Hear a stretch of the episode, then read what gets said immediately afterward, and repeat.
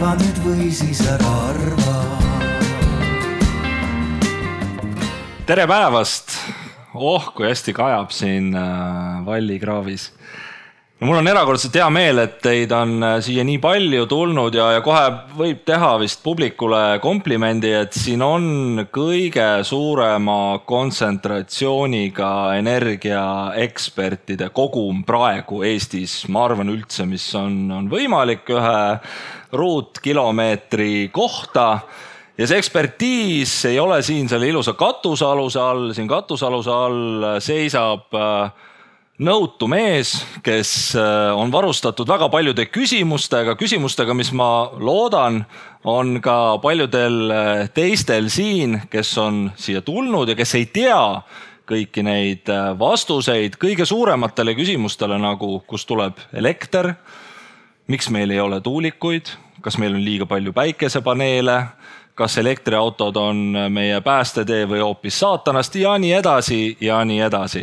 sest et järgneva pooleteist tunni jooksul peaksid minu ideaalkujutelmas vähemalt sellest arutelu käigust saama need kõige olulisemad ja mis seal salata, ka sagedasti korduma kippuvad küsimused energeetikast ja eelkõige taastuvenergiast vastused. mina olen Rahvusringhäälingu ajakirjanik Johannes Tralla, minul on vastuseid väga vähe ja küsimusi, nagu ma juba ütlesin, väga palju, aga nagu ma ütlesin, see kontsentratsioon ekspertiisist ja just nimelt energeetika ekspertiisist on siin Vallikraavis erakordselt kõrge ja mitte juhuse tahtel, kuigi siia on tõenäoliselt sattunud ka äh, juhuse tahtel eksperte aga me oleme ka endast andnud parima, et ähm, see kontsentratsioon energeetika tarkadest oleks siin kõrge, sest me oleme siia kutsunud umbes täpselt kuusteist Eesti tippeksperti, inimesed, kes võtavad vastu otsused, inimesed, kes tahaksid võtta vastu otsuseid, aga no võib-olla ei ole veel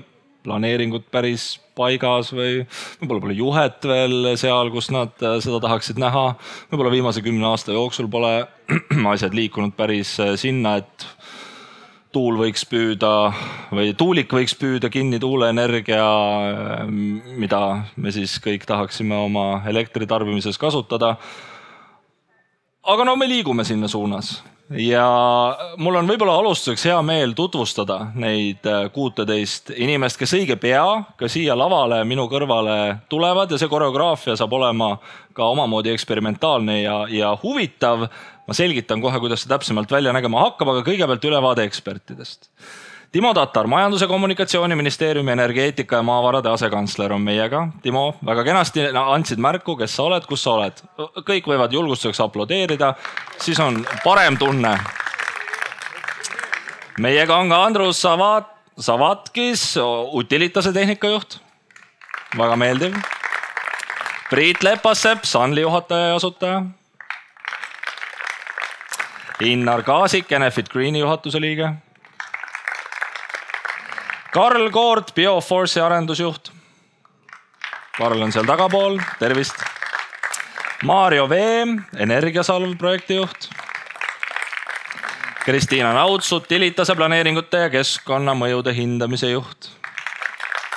Pille Metspalu, Hendrikson ja kompanii üld- ja regionaalplaneerimise osakonna juhataja. Ivo Krustok Riigikantseleist, rohepoliitika nõunik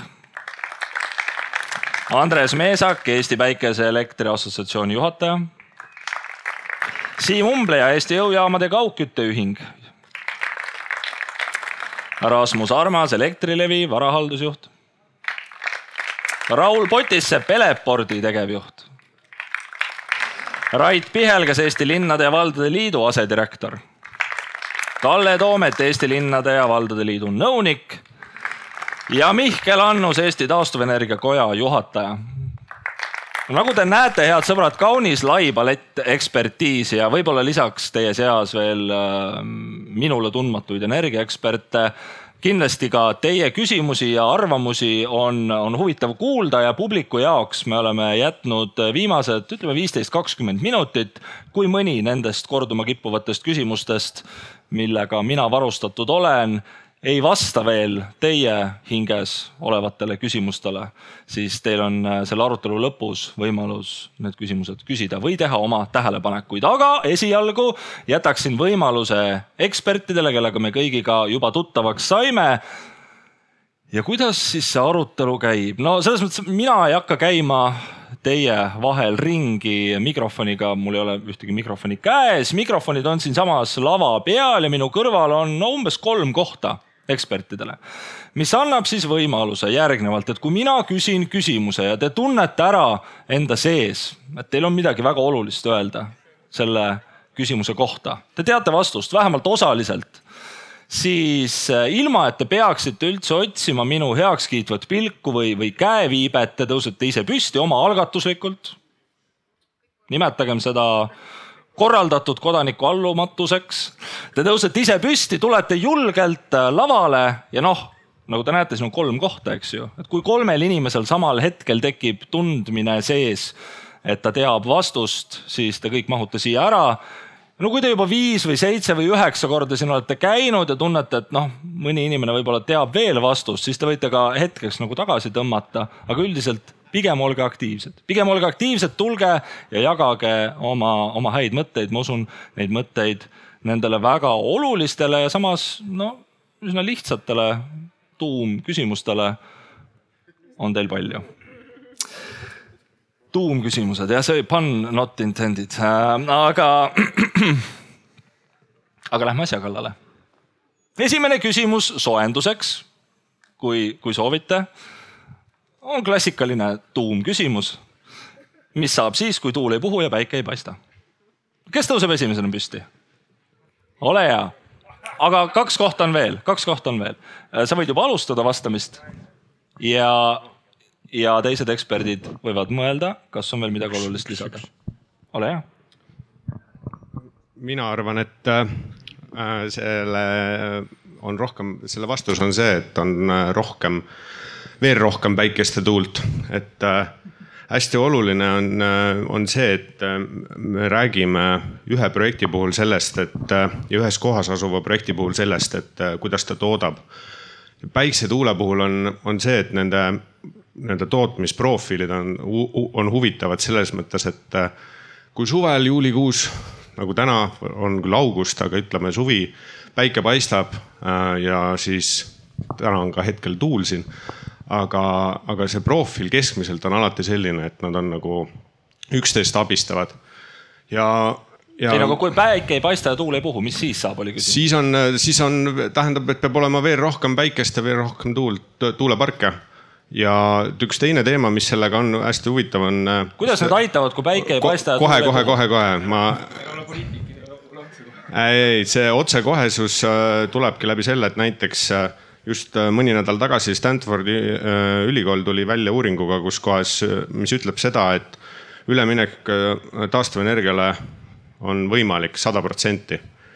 ja huvitav asi, mida nad seal välja tõid kogu selle asja juures ja see on, nemad rääkisid ainult tuulest, päikesest ja siis sellest, et kui me toodame üle, et kuidas siis seda salvestada seal on natukene oli räägitud vesinikust, aga mis oli huvitav, oli see, et tegelikult ka suuremad süsteemid vajavad ainult neljatunniseid salvesteid, et et ka meie, kes me Sunlis oleme investeerinud näiteks Energiasalve, mis on Paldiski pumphüdroakumulatsioonijaama projekt. ka see salvesti on täna nagu planeeritud nagu pikema aja peale, sest et äh, just seesama teema, et kus me tuleme Eestis, et äh, meil siin ka ju meedias räägitakse kogu aeg, et vaadake, et meil talvel on need kaks nädalat, kus kohas tuul, äh, tuult ei ole ja päikest ei ole, aga tegelikult, kui sa opereerid, et kui te ehitate endale koju ka päiksepargi, et tegelikult on ka nii, et ta toodab natuke ka detsembrikuus. Eh, see natuke on muidugi ebapiisav, aga kui meil on kõigil päiksepark kodus ja kui meil on palju tuuleparke, parke veelgi, ehk siis kui me võtame selle, mis meil täna on ja korrutame selle näiteks kümnega, siis, eh, siis tegelikult võib see väga vabalt olla see, et meil ongi hästi palju tuult, tuuleparke, meil ongi hästi palju päikseparke ja meil on ka tarbijate juures palju nii-öelda kohalikku tootmist ja see tegelikult lahendabki ära, sest et süsteem on siis juba nii suur, et äh, et meil ei olegi rohkem midagi vaja ja huvitav on kogu selle asja juures see, et äh, ka see ise selline lähenemine genereerib omakorda säästu, et et äh, see on suhteliselt uus uuring, aga huvitav on see, et äh, mida see uuring ütleb, et kui sellele asjale nagu niipidi mõelda, et oh, issand, et see ju maksab nii palju. seal on toodud välja, et saja neljakümne viies riigis, et see kogu asi ära teha, läheb see maksma meile kuuskümmend kuus triljonit dollarit mitte väga tagasihoidlik summa muidugi. aga, aga väga huvitav asi on see, et kui sa teed seda päikese ja tuulega, siis äh, noh, meil ei ole tuult ega päikest aktsiisiga maksustatud. et äh, noh, jõu-, kindlasti me jõuame selleni kunagi. et äh, ta toob seal väga kiiresti ka välja selle, et kuue aastaga on selle lihttasuvus ehk siis ühiskonnana, kui me oleme selle valmis ehitanud siis ühes aastas me põhimõtteliselt hoiame kokku üksteist triljonit. ja Oota, siis ongi. ja millal Eestis viimane tuulepark püstitati? ei no neid tuleb nüüd ikka juurde. Äh, nüüd noh, selles mõttes nüüd tuleb ikkagi juurde, et ei saa nagu öelda, et need, need projektid, mis kunagi nagu ikkagi veel maha jäid, neid ikkagi siin nüüd ehitatakse, et meil see arendamiste laine on tulemas, et ma arvan, et me oleme Eestis aru saanud nagu keskeltläbi, et on palju ettevõtteid, kes sellega tegelevad. see on väga hea, et nad on neid palju ettevõtteid, kes sellega tegelevad nii tuule kui päikse arendamisega ja ma tegelikult üks asi, mis on, on see, et just tehnoloogia neutraalsus on oluline, et et investorid vaatavad äh, just selle muutuse tegemisel just seda poolt ka, et äh, et riik ei tuleks või, või siis ei tuleks näiteks ütlema, et teeme veel ühe Auvere näiteks. täiesti nagu pildist väljas otsus, et me tahame rohepööret teha ja teeme ühe Auvere veel. aga et kui nüüd lastakse nendel arendajatel kõikidel tegelikult arendada edasi ja võib-olla kõiki neid tuuleparke kunagi noh, mida on arendatud, et ka kõiki ehitusobjekte, mida on arendatud, planeeritud, et kõik need planeeringud ei saa alati, ei viida lõpuni ellu et sama on ka siin, et äh, kui me laseme sellel kõigel juhtuda, siis ma tahan öelda, et ühiskonna mõttes nagu ühiskonna kulu mõttes on, äh, on see tegelikult meile kõige odavam. ja täna tegelikult on ka nii, et äh, kui vaadata nagu tehnoloogia arengu kontekstis, siis tuul, päike, pumphüdrosalvestus akud on hinna poole, hind ei ole veel seal, aga, aga need kolm komponenti täna võib öelda, et need on ühed asjad, mida me ka oskame ehitada. ja me oskame neid ehitada väga palju et see on hästi oluline selle, selle pöörde, pöörde tegemiseks. Ja mu sõnum siis lühidalt uuesti on, on see, et äh, tuul, äh, tuul, päike ja, ja neli tundi salvestust ja, ja meile täitsa piisab, lihtsalt on seda kõike on rohkem vaja. Suur aitäh, äh, aga siin on vastajaid veel, nii et ma kuulan nüüd teisi mõtteid veel, aitäh. ja et ma kindlasti ei ole energia, energiaekspert, aga kohaliku omavalitsuse juhtimise ja keskkonna valdkonnaga pikalt kokku puutunud, et kui tuul ja päike, kui ei ole, siis me üldjuhul oleme toas ja külm on ja võtame teki peale aga ma arvan, et erinevaid energialiike targalt kasutades ja neid nii-öelda materjale, mis täna meie jaoks on näiteks nagu jäätmed, täiesti kasutamata ressurss on ju, räägitakse sellest võib-olla, et noh, et teeme sellist biomulda, aga miks mitte täna tegelikult toidujäätmetest samamoodi biogaasitehaseid rajada, biometaani toota ja sealt edasi energiat nii-öelda toota, et ütleme, see on see üks koht, et me lisaks tuulele, päiksele vaatame neid, neid nii-öelda materjale, mis on meie jaoks justkui täna negatiivse väärtusega, et pöörata nad positiivseks. siis tegelikult nii-öelda väiksemad nii-öelda, ma arvan, Tartu linn võiks täiesti rahulikult oma bussipargile ja teatud sooja toota toidujäätmetest juurde ka tööstuslikud jäätmed sinna, et no Bioforce'i esindajad, kes tegelikult on seda teinud, Aravetel enda kogemuses tegelikult, kus on Eesti suurimaid robotfarme, tuhat seitsesada lehma on ju tegelikult keskkonnaprobleem suur, mis saab sellest lägast, on ju. ja kaks tuhat kaksteist tegelikult tegid nad siis nii-öelda biogaasijaama, mis tootis elektrit ja sooja tänu millele tegelikult sooja, aleviku sooja nii-öelda vajadus sai rahuldatud ja hind langes nelikümmend viis protsenti sel aastal. et see oli aastal kaks tuhat kaksteist juba, ütleme täna, kuhu minna, et tegelikult vaadata toidujäätmete ja jäätmete väärindamist tervikuna ja ei peaks tegema suuri megaprojekte nii-öelda, et meie eestlaste viga on just see, et noh, me tahame teha kõike kõige suuremaid, kõige ägedamaid asju hullu tootmisvõimekusega, pigem vaadata nagu lokaalselt, jagada seda nii-öelda, kui me räägime energiakriisi, siis nii-öelda, et riske maandada ja mõelda seda, kus kogukondlikult inimesed nii-öelda rohepöörduvad, ütleme keskkonna valdkonnas, sellised näevad, et miks me seda teeme, et me peame kõik aru saama tegelikult. inimene tahab näha, et mis see lõpptulemus on, et jah, me võime mõista, et noh, et, et kliima nii-öelda soojenemine kahaneb, aga tegelikult päeva lõpuks on meil väga palju kodanikke, kes ütlevad, kuule, aga mis ma sellest saan, et ma selle liigutuse teen. nii et mina arvan, et teist, teiste nii-öelda täna negatiivsete materjalide väärindamine ja selle kasutamine et nii et äh, lisaks sellele, et meil kõigil võiks olla katusel päikesepaneel ja, ja mingi vähemalt nelja tunni salvesti, võiks ka kartulikoored äh, ja biojäätmed minna biogaasi tegemiseks. Äh, kaks vastust on käes, mis siis saab, kui tuul ei puhu ja päike ei paista, mis on kolmas? kolmas on tegelikult ma võib-olla kinnitaksin Priidu sõnu, et tõepoolest, et tuul ja päike on muutliku iseloomuga ja ma tõeliselt loodan, et kümne aasta pärast, kui on niisugune ilm, kus tuult ja päikest ei ole, et me oleme siis õnnelikud selle üle, et Eestis on tehtud piisavalt salvesteid, et me saame odavat energiat nautida ka sellel perioodil. mis need salvestid siis olla võiksid? Salvesteid on äh, palju erinevaid, et no näiteks äh, maailmas enim kasutust leidnud salvestid on pumpthüdrosalvestid, millega siis vett pumbatakse ülesse siis, kui elektrit on üle ja lastakse läbi turbiini alla tagasi, kui elektrit on puudu. viimasel ajal on kõneainet leidnud palju näiteks aku, vesinik kõigil nendel salvestitel on pisut erinevad, ütleme, parameetrid, mõni sobib pikaajalisemaks, aga on madalama kasuteguriga. teine jälle on äh, võib-olla parema kasuteguriga, aga vajab rohkem haruldasi metalle. ehk siis äh, kui nendest parameetritest sobiv kokku panna ja salvestusvajadus ära defineerida, siis see tuule ja päikesevaikne ilm ei proovi, ei pruugi meil üldse probleemiks osutuda. no praegu meil on vist kaks pumphüdroelektrijaama nagu in the pipeline, te ilmselt teate nagu täpsemalt, eks ju, üks Paldiskis, üks Ida-Virumaal. Äh, mis see nii-öelda võimsuse maht siis seal on, mis töös on? No,, ikkagi mingi kümme protsenti Eesti tarbimisest. kui me räägime jah võimsusest, siis võimsuse mahus mina olen kuulnud Eesti Energia projektist kakssada kakskümmend viis ja Paldiskisse rajatav on viissada, see on siis seitsesada seitse, seitsesada kakskümmend viis. kümme protsa. ja, ja tarbi- või ütleme, tarbimine on maksimum hetkel meil umbes tuhat kuussada, aga see on ainult mm. võimsus. Äh, äh, salvestitel ei ole ainukene oluline parameeter võimsus, on ka see küsimus, kui palju sinna lattu mahub, ehk siis kui palju energiat seal korraga hoida saab mm.. ja, ja ütleme igapäevase vajaduse kindlasti kataksid need Paldiski ja, ja vajadusel ka Eesti Energia jaam sinna ära, aga äh, võib-olla mingisugused pikaajalisemad, kus on vaja viia energiat näiteks suvest talve, siis sinna oleks võib-olla mõistlik teha vähem kasu, väiksema kasuteguriga salvestust aga mida on jällegi mõistlikum, saab nii-öelda väiksema ruumiühiku kohta seda salvestit kasutada. no lähme siis saabumise järjekorras, Mihkel, sa jõudsid enne Timo, mis on sinu vastus sellele küsimusele?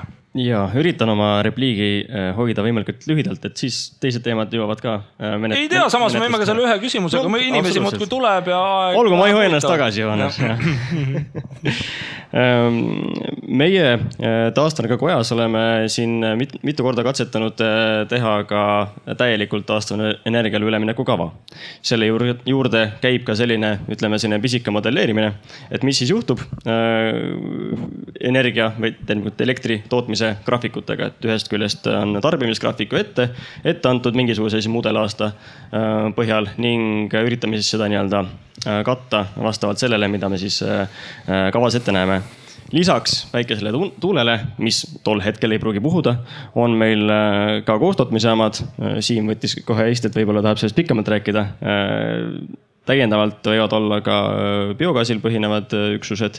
Äh, ka pisike hüdropotentsiaal on meil olemas, mida me, mida me rakendanud oleme, aga oluline jutt sai ka Maarja poolt juba räägitud, et salvestus, salvestustehnoloogiad on erinevad põhinevad ka nii-öelda, on rakendatavad erinevate aja nii-öelda tsüklite jagu. Ähm, ja lisaks sellele modelleerimise, modelleerimise käigus võtsime kõige sellise sellisema ähm, ohtlikuma aja ehk siis jaanuarikuu, eks ole. ja äh, siin tuleb tähele panna, et äh, kui on mingisugune selline piisav maht äh, maismaa tuuleparke, mereparke, päikeseparke lisaks juures, et on väga palju tunde, kus me toodame elektrit rohkem, kui me tarbime. Ja lisaks on meil tunde, kus on vähem äh, tootmist, kui me tarbime. ehk siis see on selline nii-öelda, ütleme laias laastus sinusoidne graafik äh,. seal tulebki salvestustehnoloogiad äh, mängu meie modelleerimises me ei ole arvestanud tegelikult ka tarbi-, äh, tarbija paindlikkusega, mis äh, kõiki eeldusi äh, kattes peaks äh, aja pikku aina nii-öelda süvenema või, või, või, või, või täide. Äh, et see tehnoloogia äh, võiks leida aina suuremat rakendust. äpp ütleb mulle, millal ma oma elektriauto laadima panen ja no, nõudepesumasina käima. no näiteks, eks ole, see lisab mingisugust paindlikkust. et see üht repliiki lühidalt kokku võtta, on see, et äh, lisaks tuulele ja päikesele ka muud taastuvenergiale põhinevad äh, lahendused ning sellele lisaks lahe, äh, erinevad salvestuslahendused äh,, ka paindlikkuse äh, nii-öelda teenused või, või, või rakendused. ning loomulikult oleme ühendatud ka naaberriikidega, et kui, kui kellelgi on äh, defitsiit äh,, vastavalt siis ühtepidi ja teistpidi saame ju tegelikult seda elektrit ka üle kanda. Timo. jah, mina vastaks sellele küsimusele nii, et äh, kui tuul, tuul ei puhu ja päike ei paista, noh, neid päevasid paraku on siin piirkonnas üsna palju.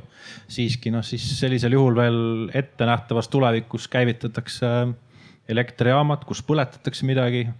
tihtilugu fossiilkütuseid, Eestis on põlevkivi. mujal siin piirkonnas on maagaas, me kõik teame, mis see maagaas maksab. ja meil on ka biomass, et loomulikult me peame tegema kõik, et neid tunde oleks võimalikult vähe kus me midagi kallist äh, põletama peame, me näeme seda kõik täna oma elektriarvetel või elektri börsihindadel, et äh, mis äh, kallite fossiilkütuste põletamine tähendab. aga paraku jah, ettenähtavas tulevikus kindlasti veel on üsna palju neid, seda aega, kus, kus me peame midagi fossiilset põletama selleks, et elektrit saada ja noh, loomulikult need elektrihinnad, mis praegu turul on noh, saadavad ühe signaali kõikidele siis äh, projektide arendajatele, mis on see, et äh, investeerida taastuvenergia allikatesse, investeerida salvestusallikatesse. et neid tunde, kus me peame seda kallist fossiilkütust äh, kasutama ja sellest tootma kallist elektrit, oleks võimalikult vähe nii palju küsimusi tekkis, mida tahaks veel küsida, aga ma hoian ennast tagasi, sest ma tean, et äh, on ka palju kohustuslikke küsimusi, mis ma pean ära küsima, aga Siim, vahepeal sulle. ja, et äh, mida öelda, et äh, nii nagu see küsimus oli, et mis saab siis, kui äh, ikkagi tuult ei ole ja, ja päikest ka ei ole. et ma arvan, et siis tuleb minna puukuuri äh,. nii nagu Äh, juba aastasadu on tehtud ja, ja lihtsalt äh, oma siis äh, soojust salvestavat ahju kasutada, et mida on ka juba, juba aastasadu tehtud. ja, ja kaugküte Eestis valdavalt seda nagu kasutab tõesti küll jah, enam puukuuri ei minna, vaid kasutatakse natuke tehnoloogilisemaid lahendusi. ja ka ahi on piltlikult öeldes torudena linnatänavate all või haljasalade all aga põletamine või puidu kasutamine ju iseenesest äh, üks esimene tehnoloogia, mis Eest-, mis maailmas üldse nagu kasutusele võeti miljon aastat tagasi, kui ma, kui ma nagu mäletan. et, äh, et ma arvan, et selleta eriti siin põhjas äh, on väga keeruline hakkama saada. kui just ülisäästvaid ja üli selliseid no sooja pidavaid hooneid ei hakata ehitama aga need päikesepaneelid ja tuulikud, kui neid piisavalt palju panna, siis veel neljatunnine salvestusvõimsus, et äh, sellega nagu puude ahju ajamisest äh, üle ei saa või?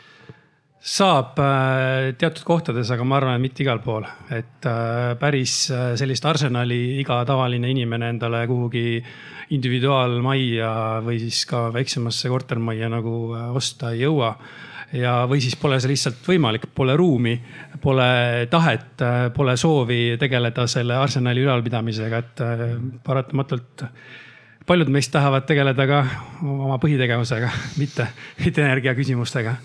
ostsin ka hiljuti värske laadugi küttepuid suvilasse. valus oli, aga ikkagi ostsin. Ivo kui me nüüd siia kahekesi jääme, sa ei taha istuda kuidagi ähvardama. Ähm,. mulle Timo vastas. kas sa kujutad ette, et ma olen Jim ja me teeme seda? kui, kui sa nii soovid, siis on lõbusam võib-olla ähm,. aga ma loodan, et ma olen sisukam äh,. mulle Timo vastus väga meeldis, sellepärast et, et Timo tõi välja selle nagu ajaperspektiiviga. ma arvan, et me küsime seda küsimust, et mis siis saab, kui ikkagi nüüd see tuul ei paista ja päike ei puhu suuresti sellepärast, et või no ükskõik, mis pidi me seda küsime, me küsime seda, sest me kardame seda perspektiivi, et üks hetk meil järsku nüüd kaovad kõik need asjad ära, mis meil täna olemas on ja, ja, ja ja, ja siis meil ei ole järsku ei seda päikest ega tuult ja, ja kõik on paha, et noh, me räägime ikkagi sellisest noh täna kiirest küll, aga siiski arengust, mis, mis võtab arvesse seda, et, et see, mis meil täna on, veel mõnda aega jätkub. ja me liigume järjest rohkem sellele, et, et meil oleks taastuvenergia allikaid, sellepärast et ma, ma teen selle hästi nõmeda asja, mida vahel, vahel teevad rohkem poliitilise taseme inimesed ja ilmselt minusugused uduajajad, kes ei ole energeetikaeksperdid, et ma keeran selle küsimuse tagurpidi. et see probleem on suuresti ikkagi selles, et, et mis meist saab siis või mis, mis saab siis, kui me ei võta seda tuult ja päikest kasutusele.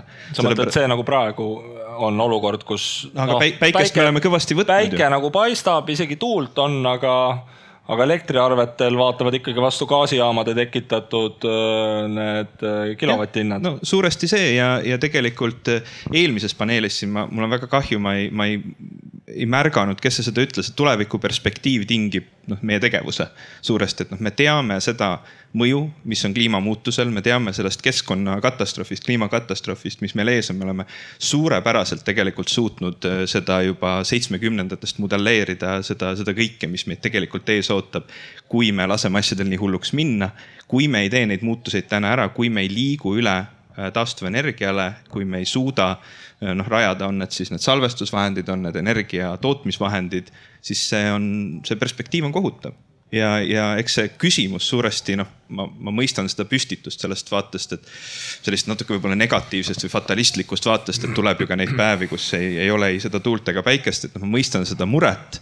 aga see, see nii-öelda on lahendatav, nagu me siin juba mitmest äh, sõnavõtust tegelikult kuulsime ja kui me neid muutusi ellu ei vii, siis vot seda on juba palju raskem lahendada no kui me juba sellele esimesele küsimusele niivõrd äh, laia ja mitmetahulise vastuse saime, mis ma, ma ei tea, hea publik äh,, kas rahuldas teid? mina sain igal juhul kindluse, et tegelikult on päris hästi ka siis, kui tuul ei puhu ja päike ei paista ja meil on olemas need võimsused ja vahendid äh, seda energiat püüda, siis ma usun, äh, nüüd järgmine küsimus võiks juba saada veel kirglikumad ja, ja põnevamad vastused küsimus ise on vähemalt sama intrigeeriv, et miks ei ole siis Eestisse viimastel aastatel ühtegi tuuleparki rajatud? Tulge julgelt lavale, kes äh, teab vastuseid. viimase tuulepargi rajamisest, äh, parandage mind, kui ma eksin, möödus tänavu kümme aastat või? ei, selles mõttes äh, valmimisest jah, et kui sa vaatad seda, et me, et võrgu poolt võeti ta ka vastu, et tegelikult praegu, kui minna sõita Narva-Jõesuu poole, siis Enefit Greengi ehitab, ehitab tuuleparki, et, et selles mõttes, et see on natukene niimoodi, et äh, meil oli buum kunagi, et meil olid entusiastid siin, kes nullindatel arendasid tuuleparke erinevatesse kohtadesse. meil olid ka rahvusvahelised ettevõtted, kes arendasid näiteks Iberdrola, kes on siis Hispaania Äh, nii-öelda siis energeetikaettevõtted, meil oli siin ka see, meil oli kord jälle seesama olukord, mis meil nüüd oli, lihtsalt see, ütleme, tolleaegne mahud olid teistsugused, tehnoloogia oli väiksem, tuulikud olid väiksemad. Ja nüüd on uuesti see buum käes ja ma arvan, et see üks asi on see, et me ehitame need, need projektid, mis on sellest ajast nii-öelda alles jäänud, need me ehitame ka valmis. aga me ehitame kindlasti ka väga palju valmis seda, mis, mida me nüüd siis arendame, mis siis ütleme kuskil aastal kakskümmend kolm, kakskümmend neli, kakskümmend viis ikkagi, et kui meil siin see planeerimisprotsess käib, siis äh, mõndades kohtades ka kindlasti on hästi palju kohtuasju, aga mõned projektid on ka kindlasti edukad ja kindlasti lõpus on nendest väga paljud on, ongi edukad.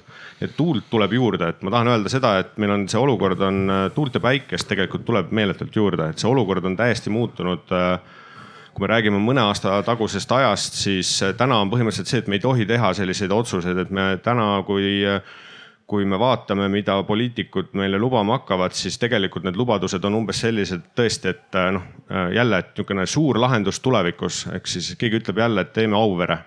et mis kontekstis me, millest me räägime et kahte Auveret lubas üks la, lausa, Luksemburgis lausa kahte, viimasel ajal just, töötav. just ja ma tahan öelda seda, et see käitumine, selline riigipoolne, ütleme siis see, et see on see, mis tagab selle, et need tuulepargid, mida me praegu arendame, need ei tule.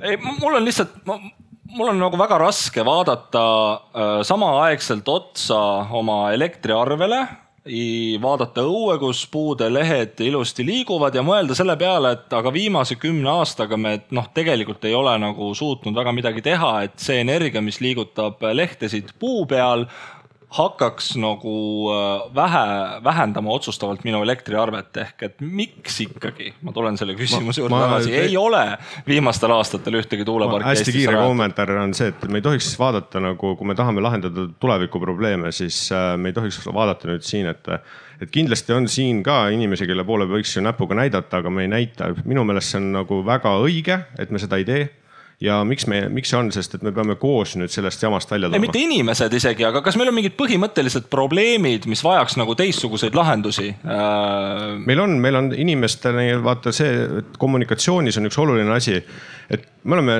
me oleme riik, me oleme rahvas, me oleme eestlased, me oleme Eesti kodanikud siin territooriumil ja, ja mina nagu olen siis nii palju, kui ma olen inimesi nõustanud, kes peaksid inimestele rääkima seda, kuidas energeetikast rääkida siis tegelikult oleks olnud vaja pärast Ukraina sõja algust kommunikeerida inimestele väga konkreetselt, et äh, meil on teie abi vaja.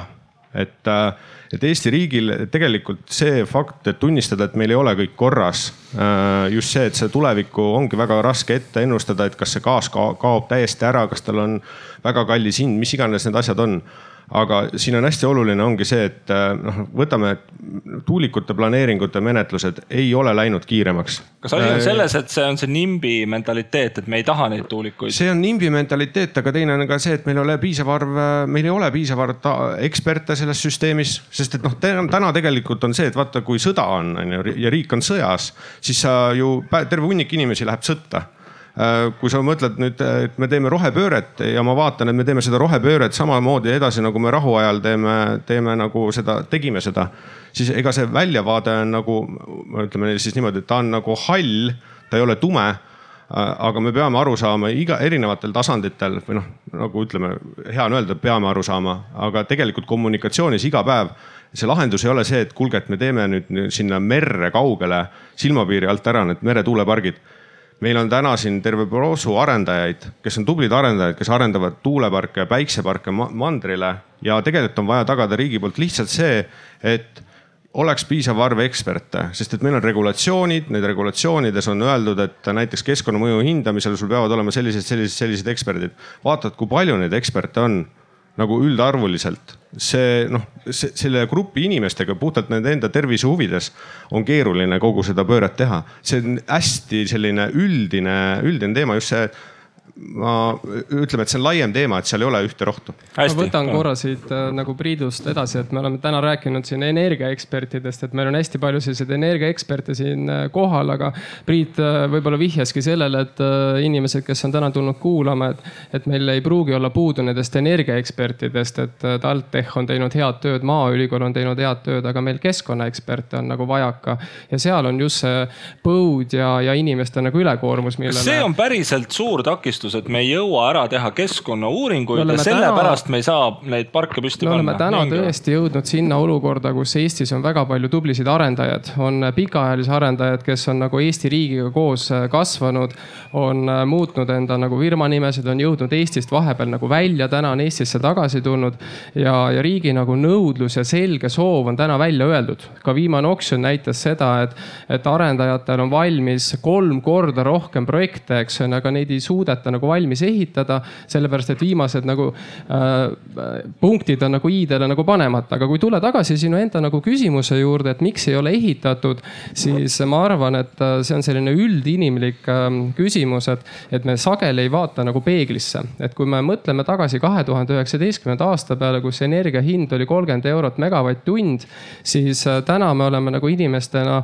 nägemas hinda kolmsada, nelisada, viissada eurot megavatt-tund ja, ja võib-olla me võitsimegi olimegi selle esimese Eesti riigi poolt maha pandud nagu äh, etapi, kus me kõik kiitsime seda, et me suutsime taastuvenergia nagu valmis ehitada, mis toonane riiklik tellimus oli. aga me jäime loorberitele puhkama me jäime liiga kaua loorberitele puhkama ja me ei pannud nagu järgmisi oksjoneid äh, nagu piisavalt kiirelt välja. et täna need on oksjonid välja tulnud, riik lubab juba jaanuaris järgmist oksjonit.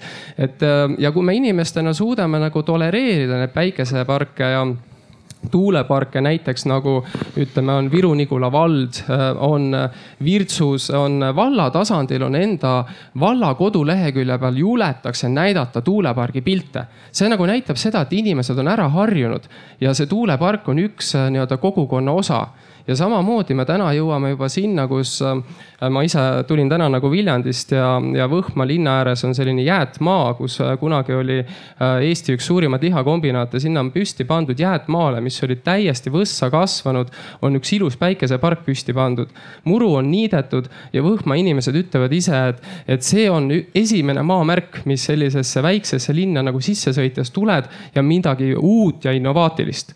sõitsin seega... mööda ja kiitsin täna samamoodi. no täpselt nii, et, et ma usun, et kui me kõik inimesed nagu nagu kiidaksime, tunnustaksime üksteist ja samamoodi nagu äh, sooviks jõudu ja, ja jaksu ka noortele alustavatele keskkonnainimestele, et, et äh, meil on vaja seda ühist nagu sooritust, mitte ainult energeetikute poolt, vaid riigiülest ühist sooritust mm. -hmm. Timo, kas sul on vastus, miks siis neid äh, tuuleparke rajatud ei ole? pane see nupust sisse aa, ja ikka töötab paremini kui sisse lülitada. Ehm, ja loomulikult äh, ju vastused on ju olemas, miks neid tuuleparke pole viimase kümne aasta jooksul nii palju ehitatud, kui nüüd tagantjärgi tarkusena võiks arvata, et äh, oleks võinud ehitada. esiteks on olnud elekter hirmus odav, mis tähendab, et äh, iga taastuvenergia tootmine oleks meilt kõigilt tähtnud, vajanud täiendavaid toetusi see probleem on täna nii-öelda jutumärkides muutunud, elekter on hirmus kallis ja taastuvelekter on see kõige odavam asi. teine teema on see, et inimesed ei ole soovinud neid tuuleparke enda lähedusse ka selles osas tegelikult on ju lahendused välja käidud, seesama tuuliku tasu, eks ole, et äh, inimestele on selge vastus, et mida mina sellest tuulepargist siis saan, lisaks sellele, et arve võib-olla on natukene väiksem, eks ole. kas see on saan, muutunud ka suhtumisi? Äh, ma usun, et see suhtumist on ta oluliselt muutunud, aga siin kindlasti on selles osas äh, parimaid rääk-, paremaid rääkijaid. ja kolmas, ma arvan, kõige suurem põhjus, miks me neid tuuleparke pole näinud, on ikkagi see, et valdav osa Eesti territooriumist on ju siiamaani kõrguse piirangutega seoses äh, kaitseväe siis teiste huvidega, et, et riik oleks kaitstud. Ja noh, ka selles osas tegelikult on ju lahendused välja käidud ja investeerimisotsused tehtud ja paari aasta pärast on valdav osa Eesti territooriumist tuuleparkide jaoks kõrguse piiranguteta, et noh, need on need tegelikult need äh, võtme, võtmevastused sellele küsimusele, miks me neid tuuleparke ei ole näinud. Neid ei ole saanud teha, teha on saanud päikeseparke ja noh, päikeseparke me näeme tõesti Eestis igal pool ja, ja, ja me oleme päikeseparkide osas kindlasti meie regiooni liider, meil on siin kuskil viissada megavatti päikeseparke tänaseks. tänasel ilmal on äh, selle peale ilus mõelda, eks ju. loodetavasti kajastub see kuidagi ka elektriarves. palun. ja, et äh, see planeering jäi siin, see viimane teema, mis jäi üles, et äh, et me täna arendame päikse või tuuleparke, äh, tuuleparkide äh, arendamiseks on vaja planeeringuid ja hea küsimus on see, et, äh, et miks me täna tegelikult nullist alustame planeeringutega. seal kohaliku omavalitsuse eriplaneeringud, hakkame asukohti otsima ja siis jõuame aastate pärast mingi detailplaneeringuni. õudselt hea oleks võtta olemasolev planeering ja selle peale täna teha siis, siis tuulepark. siin tehti neli maakonda Pärnu, Lääne, Läänemaa, Saaremaa, Hiiumaa tegid ühiselt suure planeeringu, leiti kümme pluss tuulepargi ala. planeering kehtestati aastal kaks tuhat kolmteist, täna selle peale on ehitatud, ehitatamas ühte tuuleparki, kahte. Tootsi ja, ja Kilingi-Nõmme lähedal Utilitas arendatav tuulepark ja see on kogu muusika. ja, ja rohkem ei ole ja vastus on hea vastus, et, et ühel hetkel siis avastas kaitseministeerium, kes oli ju planeeringusse kaasatud. planeering lubab rajada kahesaja viiekümne meetri kõrguseid tuuleparke. et kullakesed, me ei saa siia neid tuuleparke teha sest meil on radaripiirangud. ma küsin, kus oli kaitseministeerium tollel hetkel, kui seda planeeringut tehti. meil oleks täna olemas alad, arendajad, võtke ja tehke, jah ja teiselt poolt aastatega, kõigi nende aastatega, mis need planeeringumenetlus võtab aega muutuvad keskkonnatingimused selliselt, et üks kotkas tuleb, tuleb must hoonekurk ka ja, ja keegi eh, ehitab sinna midagi kolmandat, mis limiteerivad tegelikult need võimalikud arendused.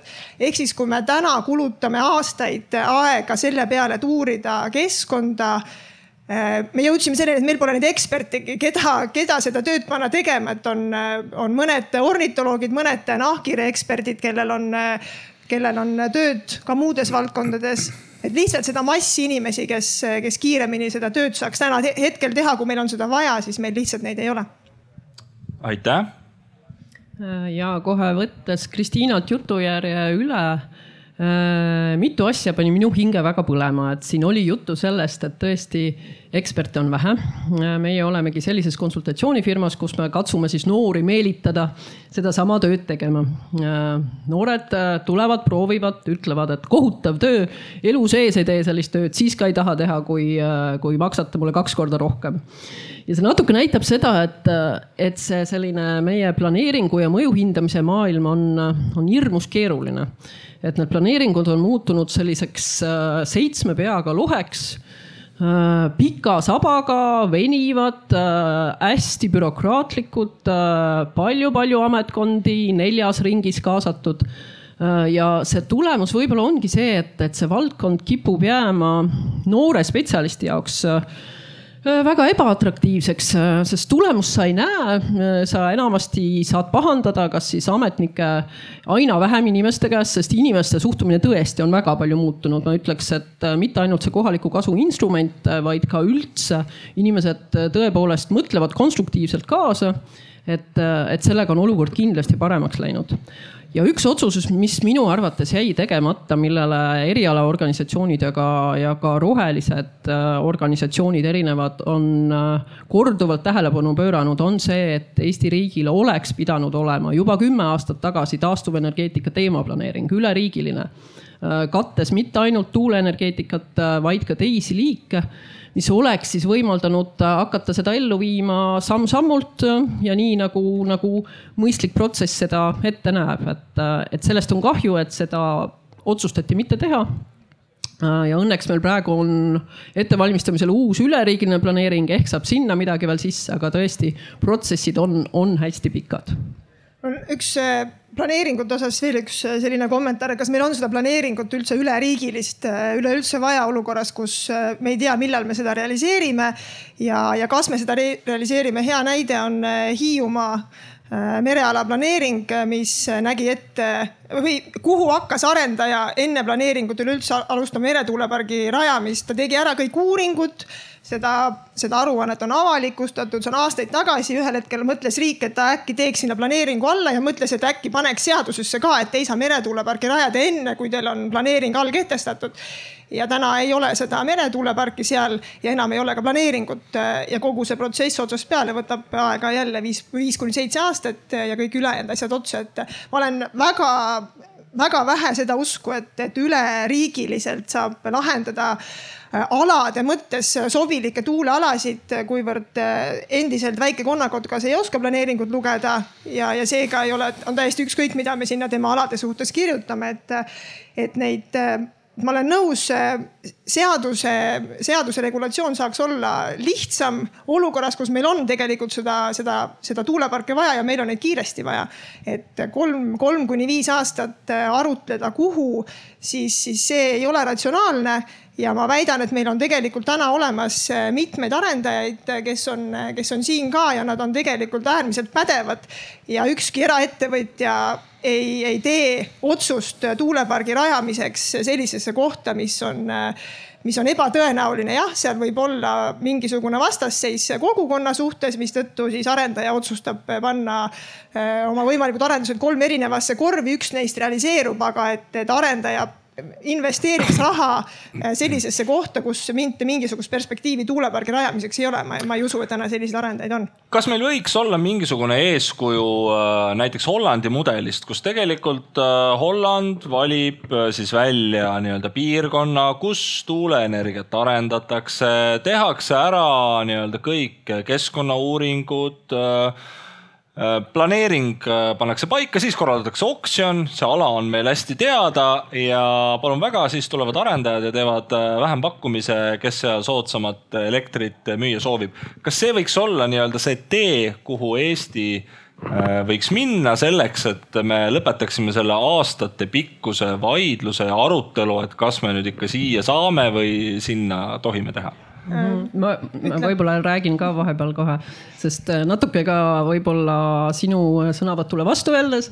et äh, jah, mina arvan, et Hollandi tee on hea, neid näiteid on veel, mitte ainult Holland, on, on Inglismaa, on nii mõnedki Põhjamaad, äh, kus see mudel on hästi sisse töötatud.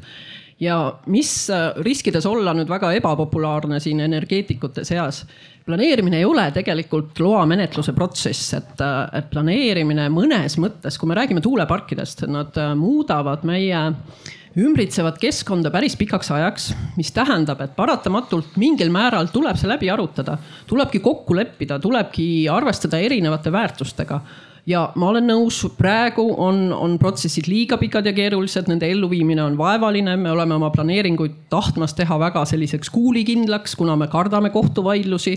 seetõttu nad venivad ja lõpuks tulevad välja võib-olla nii ebamäärased, et neid ei saagi ellu viia. aga igal juhul nagu päris planeerimisest loobuda, seda ka hästi ei saa et äh, tahaks seda küll rõhutada. Äh, jah, äh, rahuajal saab, sõja ajal ei saa, et, et ma ütleks täna ei saa, et täna tuleb ära teha need projektid ja siis võib mõelda, kuhu meil veel võiks, võiks seda, seda ressurssi olla vaja, et. et kui, kui riik hakkaks tegema, ma küsiks arendajana, millal ta valmis saab selle, kui see on kümne aasta pärast, siis ma arvan, et, et me ei ole sellest huvitatud. riik enne muudab planeerimisseadust, siis saab kiiremini. hakkame seadust muutma, läheb veel seitse aastat Ivo ehm, su küsimuse vastus, kas meil on Hollandilt midagi õppida ja, ja neid protsesse läbi selle kuidagi noh, oluliselt äh, kiirendada ja tõhustada, on küll palju õppida ja tegelikult praeguse, mm, praeguse toimiva valitsuse äh, koalitsioonileppes oli ka, oli ka tegelikult väga tugevalt välja toodud see põhimõte, et taastuvenergia arendamist äh, peab kiirendama ja praegu me siis koostöös rahandusministeeriumi, keskkonnaministeeriumi, majandus-kommunikatsiooniministeeriumi ja tervete pikkade nimede asutuste nimekirjaga. Äh, praegu seda, seda siis püüamegi teha, on, on Euroopa Komisjonil ka välja töötatud äh, siin. Kristiina viitas sõjaolukorrale, et, tuli ka Repower EU, veel sihuke veidra nimega asi Äh, mille eesmärk on siis kiirendada taastuvenergia arendust just lähtuvalt sellest äh, tänasest olukorrast äh, seoses Venemaa agressiooniga ja sõjaga, siis sel, sel, selles mõttes kõik need plaanid, et, et kas me saame midagi ette ära kaardistada, kas me saame midagi ette analüüsida, kas me saame teha põhimõtteliselt endast kõik oleneva, et, et need protsessid kiireneks, et sellega tegeletakse. Ja Priit on minu kõrvale tulnud ka tegelikult nendepoolsed ettepanekud äh, läbi, läbi selle mm, rohepoliitika juhtkomisjoni ekspertgrupi on, on kõik äh, sellega väga tihedalt seotud enne kui ma Priidule sõna annan, mul on palve kõigile teile, kes te siia tulete ja oma suurepäraseid teadmisi jagate, paneme natukene tempot juurde, natukene laused lühemaks ja mõte tihedamaks, sest pool meie arutelu ajast on kulunud, aga ma Vabandust. ei ole ka veel mitte neljandikku oma küsimustest küsinud, nii et sellises tempos ma jõuan küsida maksimaalselt pooled, ole hea äh täpsemad, ütleme minu jaoks see Holl Hollandi näide ei ole sobiv, sellepärast et äh, üks probleem on see, et, äh, et kui me päriselt planeerimist hakkame vaatama, siis me teeme seda väga palju niisugune, et meil on IT-riik, meil on andmed andmebaasis ja me teeme selle pealt järeldusi. Üks asi, kuhu täna tuuleparke siis surutakse või koht on siis see koht, kus kohas inimtegevus ja loodustegevus ei ole veel jõudnud, ehk siis need kohad, kuhu need äh, nii-öelda, kas inimestel või siis nendel liikidel inimtegevuse tõttu on võimalik põgeneda ja, ja miks see on niimoodi, on see, see on puhtalt see, et äh, noh, võtame Eestis, et äh, meil ei ole kinnisvaramaksu, selle tagajärjel ehitusregistris on igasugust kola, äh, ka hooned, mis tegelikult enam ammu ei kasutata, on seal sees. ja see võtab ära terve hunniku kogu see nii-öelda kaardikihist andmeid, on ju. ja see, just see näide on see, et inimestel on, neid inimesi ongi vaja, kes käiksid, loendaksid linde, käiksid ja vaataksid, kas need majad päriselt on olemas. ja sellepärast tuleb minna tegelikult detaili, sest muidu muidu see, muidu see nii-öelda üldine planeerimine, see, see jah, see jääb liiga ebatäpseks. aitäh ja see Hollandi näide ei ole selles mõttes ka nagu väga hea, et, et Hollandis äh, riigi võrguettevõtja ehitab ise ka liitumise välja, et, et siin, siin piirkonnas nagu seda, seda praktikat ei ole ja, ja seda, seda sundi ka võrguettevõtjal ei ole. no võib-olla peaks olema. ja loomulikult peaks olema, et, et see eriti, eriti hetkevalguses, kus, kus äh, noh, tulenevalt sellest kõrgest elektri hinnast on liit, liitumistele lausa tormijooks tekkimas, noh kogu meie regioonis sisuliselt.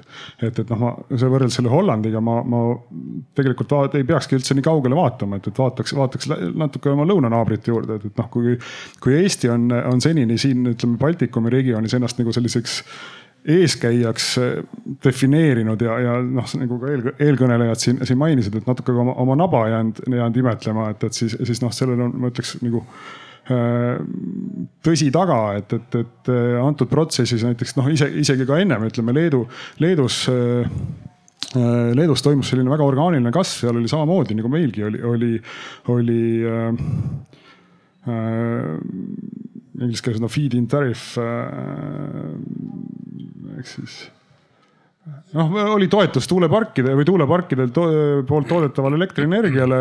Nemad läksid väga orgaaniliselt üle, kõik see noh, nende poolt defineeritud maht sai täis, nad läksid vähempakkumistele üle ja oligi selline noh, ütleme samm-sammult, kuni nad lõppude lõpuks jõudsid siin, siin kaks tuhat kakskümmend alguses jõudsid ka, ka nullise toetuseni et ja, ja noh, liitumiste osas on seal samamoodi ikkagi, kui nüüd, kui nüüd noh, ütleme sellest, sellest esiteks elektrihinnad hakkasid tõusma juba eelmine sügis lisaks läks veel, veel anti, andis sellele hinnatõusule juurde hoogu tegevus Ukrainas äh, siis või ütleme sõda siis Ukrainas, et, et äh, siis, siis Läti-Leedu mõlemad väga järsult tõmbasid sellele liitumistega spekuleerimisele pidurit. Eestis mõeldakse seda, noh, mõeldakse, kuidas liitujaid võrdselt kohelda, mida teha, noh sügatakse kukalt, et, et no mida me nüüd peale peaksime hakkama, et, et seal, seal tulekski tegelikult see noh, liitumine ehk siis elektrivõrk on ühiskondlik ressurss. seda ei tohiks lasta spekuleerijatel ära, ära kasutada, nii et tõmbame hetkeks joone alla tuuleenergiale ja, ja liigume ikkagi korstende suunas korraks. kas ja mis tingimustel on bioenergia jätkusuutlik? põgusalt me sellest rääkisime juba minu küttepuude seikluse näol, aga aga miks meil bioenergiat ikkagi vaja on, siis ma näen Siimu see teema kütkestab ja kas see on kestlik? ja ma arvan, et see on kestlik, et äh, see on lihtsalt. Äh, see on nagu suvilas ja kaugetes metsataludes või tegelikult ka laiemalt nagu soojusvõrgus, kui me kujutame ette äh, noh, näiteks kaugkütet no küsimus on alati ikkagi, kuidas öelda, efektiivsuses, et võimalikud suured oleks siis väljatulekud või kasutegurid, et, äh, et kui me midagi juba teeme, et me ei raiskaks. ja, ja selles mõttes siin korra sai mainitud, et suuremates linnades on, äh, on rajatud koostootmisjaamad, mis, mis sisuliselt sada protsenti puidus olevat energiat ära kasutavad. ka mm, kaugküttevõrkude isole-, isolatsiooni ja sooja, soojakao parandamisega on juba aastakümneid võiks öelda nagu tegeletud, et, et selles mõttes äh, Äh, võiks öelda, et kui igalt poolt püüda kokku hoida, mitte, mitte laristada, vähendada raiskamist, siis tegelikkuses see, see äh, noh, puiduenergia, see on sisuliselt ju sama salvestatud äh, päikseenergia, mis meile siia planeedile tuleb. ja, ja noh, kui nagu väita, et puit ei, ei ole taastuv, siis noh, kui üks maa jätta nagu lihtsalt äh, seisma paarikümneks aastaks, siis seal varsti on juba mets asemel sisuliselt, et. aga see bioenergia kasutamine sellisel viisil, nagu me sellest täna aru saame, on ka nagu kliimaeesmärkidega kuidagi ühildatav või?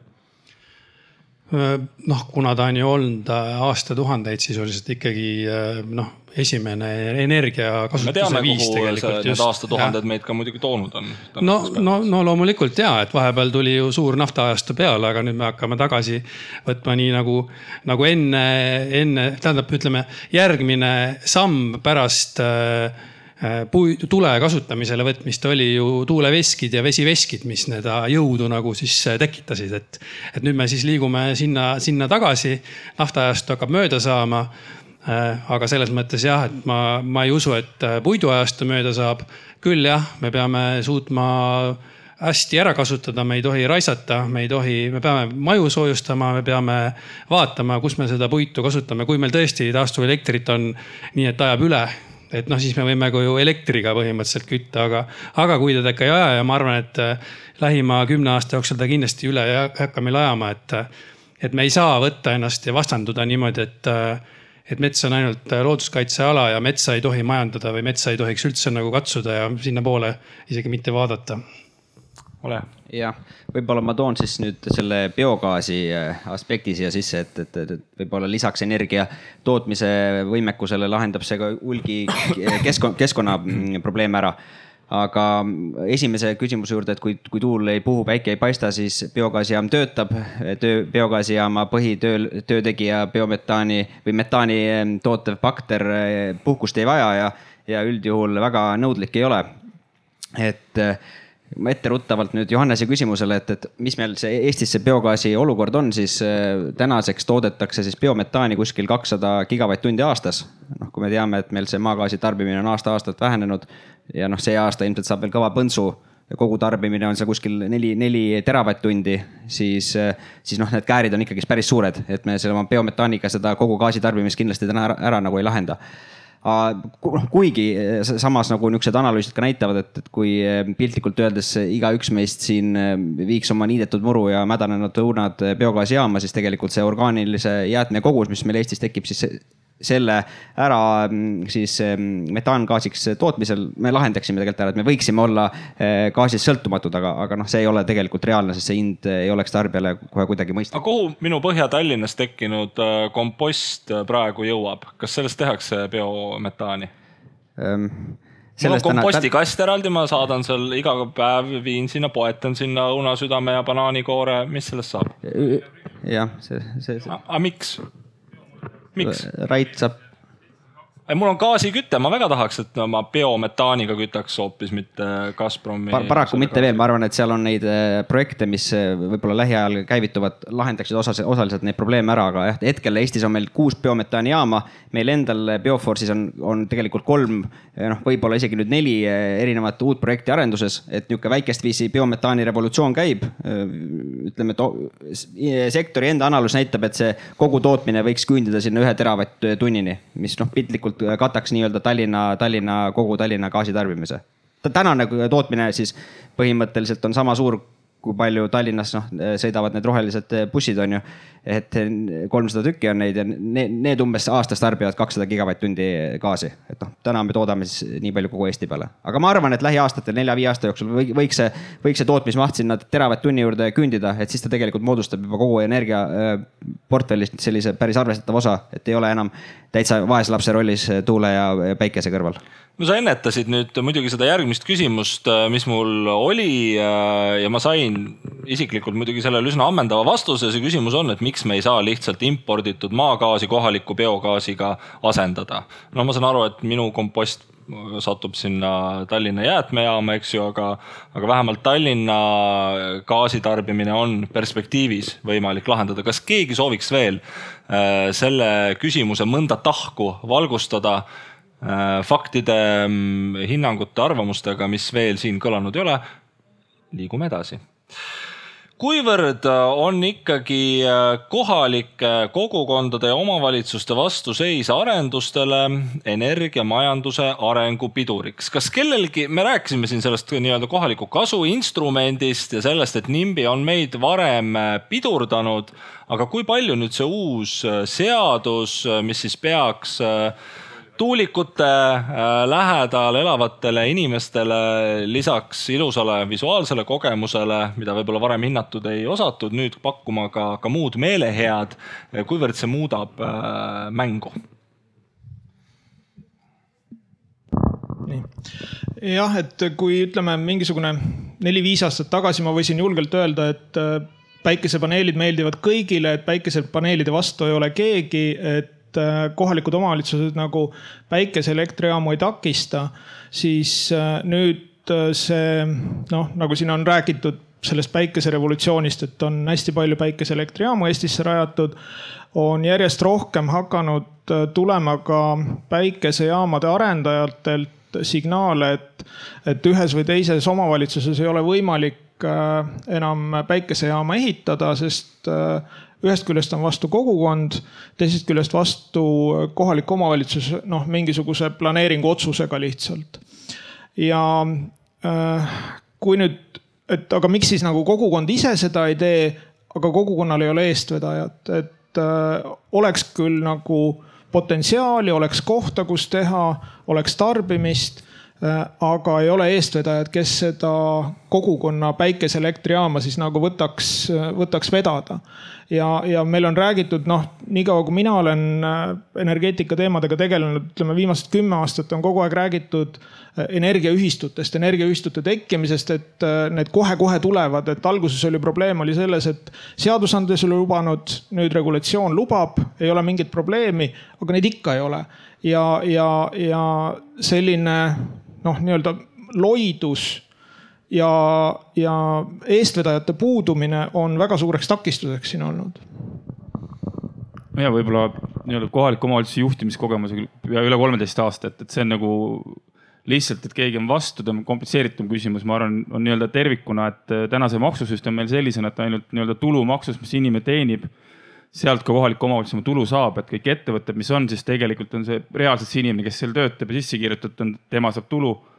siis saab KOV tulu, aga muud ei ole, et ütleme, et, et seal on see küsimus, et kuidas KOV tunnetab, kui oluline ettevõtlus, mis see tema kogukonna jaoks on ja mis inimesed tagasi saavad, et ma võin öelda, täna on olukord Eestis, kus sa ka ühtegi pelletitehast või saeveskit sa ei ehita ilma kärata või mõistlikuna sellepärast et noh, et keegi ei taha mitte midagi enda hoovi, kõik me tahame elada, me tahame olla edukad, me tahame omada maamaja, teenida üle keskmist palka, aga see tööstus nagu noh, see, see on kuskil, olgu piiri taga on ju, et, et tegelikult see hakkab kõik kinni nii-öelda sellest, et kuidas kohalik omavalitsus suudab kogukonnale põhjendada, et miks ta oluline on. ja täna ütleme selles energiakriisis ja sõjakriisis tegelikult on ka see, et noh, nii-öelda läbi ettevõtte, kui me räägime tuuleenergiast, väga lihtne on täna põhjendada, et kui meil tuleb nüüd kohalik kasu on ju, et kasvõi see, et ka varem olnud kuule, et aga selles külas siin see, me tagame teile odavama elektri, on ju.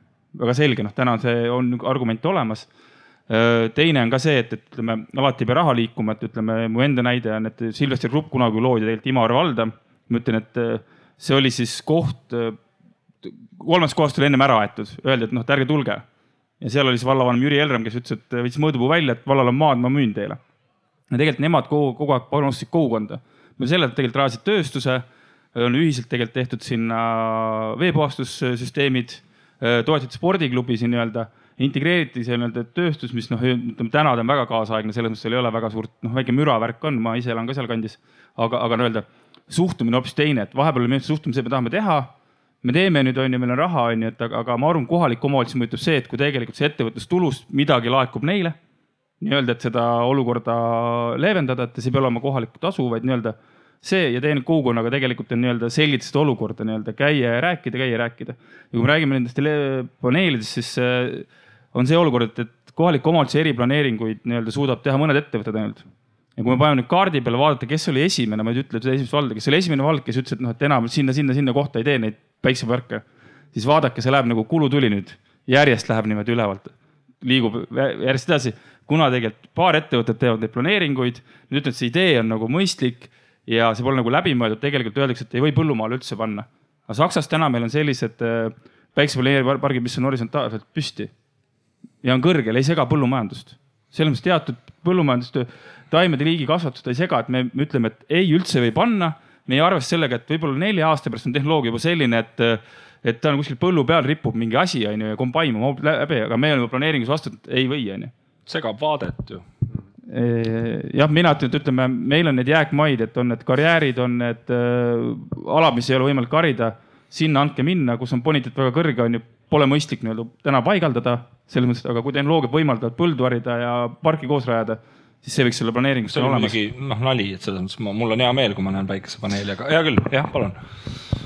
ma tahan ka öelda, et see on komplekssem probleem, et äh, see näiteks, kui nüüd tuli kohaliku kasu toetusmudel tuli ma arvan, et see muudab ainult natukene, sest et vastased jäävad alles äh, igal pool on näha, et tekivad erinevad MTÜ-d, ikka tekivad nad, äh, seadust ei ole ikka ära muudetud äh, inimesed äh, näevad, et kui tuleb tuulepark või päiksepark, siis nad hakkavad tegema endale MTÜ-d, mille siis eesmärk on kaitsta mingist liiki, keda võib-olla nad üldse varem ei teadnud, et seal elab. aga nüüd nad on vaja, sellepärast et on vaja võtta see liik ja panna ta, panna ta vapiloomaks või linnuks äh, sellele MTÜ-le sellega just, et seda parki sinna ei tuleks. see ei muuda seda probleemi ära. et äh, miks ma siia lavale selles küsimuses tulin Hiiumaa, Hiiumaa mereala on üks väga hea näide selle kohta, kuidas äh, tegelikult heast äh, kohtuvaidlusest, kus kohtunik esimeses astmes soovis seda, et, et kohus vaidleks selgeks, kellel on kaebeõigused ja mitte sai riigikohtus selline olukord, kus kohas riigikohus ütles, et Eestis kõige rohkem läbi uuritud mereala, mereala üldse äh, ei sobi ka meie keskkonnanõuete järgi, väitmaks seda, et sinna tuulepark sobib et see on üsna ja seal oli ikka väga-väga-väga põhjalikult ja miljonite ja miljonite ja miljonite eest oli tehtud keskkonnauuringuid. et, äh, et see noh, see, see on kompleksne asi ja see ei ole ainult rahas ja seal ongi tegelikult äh, komplekssemalt peab vaatama, et teenused, et elekter oleks inimestele kättesaadavam. ja samamoodi on see, et just see, mida ma varem ka ütlesin, et äh, näiteks miks see nelja maakonna planeering Läänemaal igal pool, miks see nii-öelda läbi kukkus. ta kukkus läbi sellepärast, et avastati, et need tuulepargid on kaevandusaladel ja mitte keegi tegelikult ei olnud öelnud et nad seal kaevandusaladel on ja, ja nad planeeriti kaevandusaladele, mis on aktiivsed kaevandusalad, kuhu ilma riigi nõusolekuta tuuleparki teha ei saa. või kaevandusloa omaniku nõusolekuta. kaevandusloa omaniku nõu-, ta teadis seda ja ta ei ilmunudki planeerimismenetlusse kunagi kohale. ja see ongi see tase, mis siis, mis siis Eestis on. ja siin samamoodi, et kui keegi ütleb, et aa, et minge oma tuulepargi või päiksepargiga kuhugi jääkmaale ma tahan öelda seda, et mingitel põhjustel on elektrisüsteemid ehitatud nii, nagu nad on. võrgud lähevad sinna, kus on inimesed ja nad tulevad tootmise juurest. ja ma tahan öelda seda, et, et isegi kui meil on äh, suuri näiteks, äh, ma ei tea, rabaalasid, kus kohas inimtegevuse tõttu on looduskeskkond hävinenud ja me tahame sinna seda päikeseparki panna, siis see ei ole niisama lihtne. see oleks nagu, see oleks nagu see, see teema, et sul on valida Äh, millist elektrit äh, sa osta tahaksid ja sa mingil põhjusel valid alati kõige kallima. ja, ja, ja see ongi see, et mida, kuidas nagu asjale tuleks nagu läheneda, et kindlasti ei tohiks äh, toidu, toidumaale ka panna aga fakt on see, et e-, Eestis jääb nii palju maad aastas sööti, et kui me paneksime kõik seda paneele täis, sööti tähendab see, et ta on viis aastat olnud ilma kasutuseta ja seal hakkab juba võsa ka peal kasvama.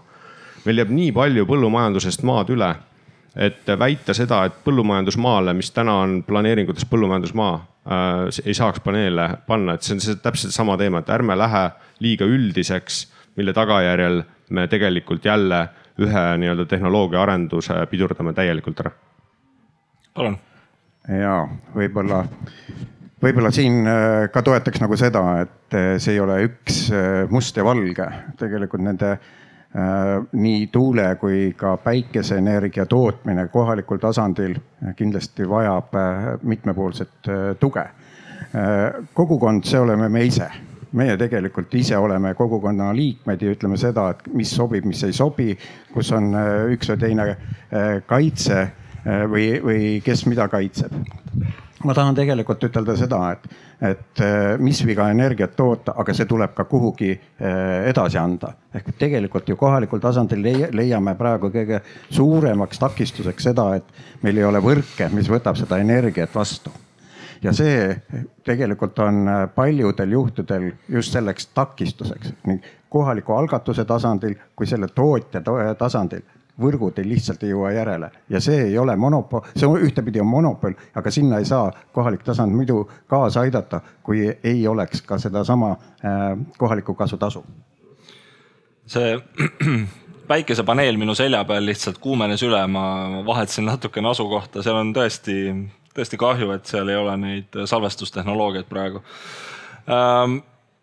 Lähme edasi mm kas energia on liiga kallis või vastupidi, liiga odav, et mõjutada tarbimisharjumusi, salvestustehnoloogiate kasutuselevõttu ja nii edasi?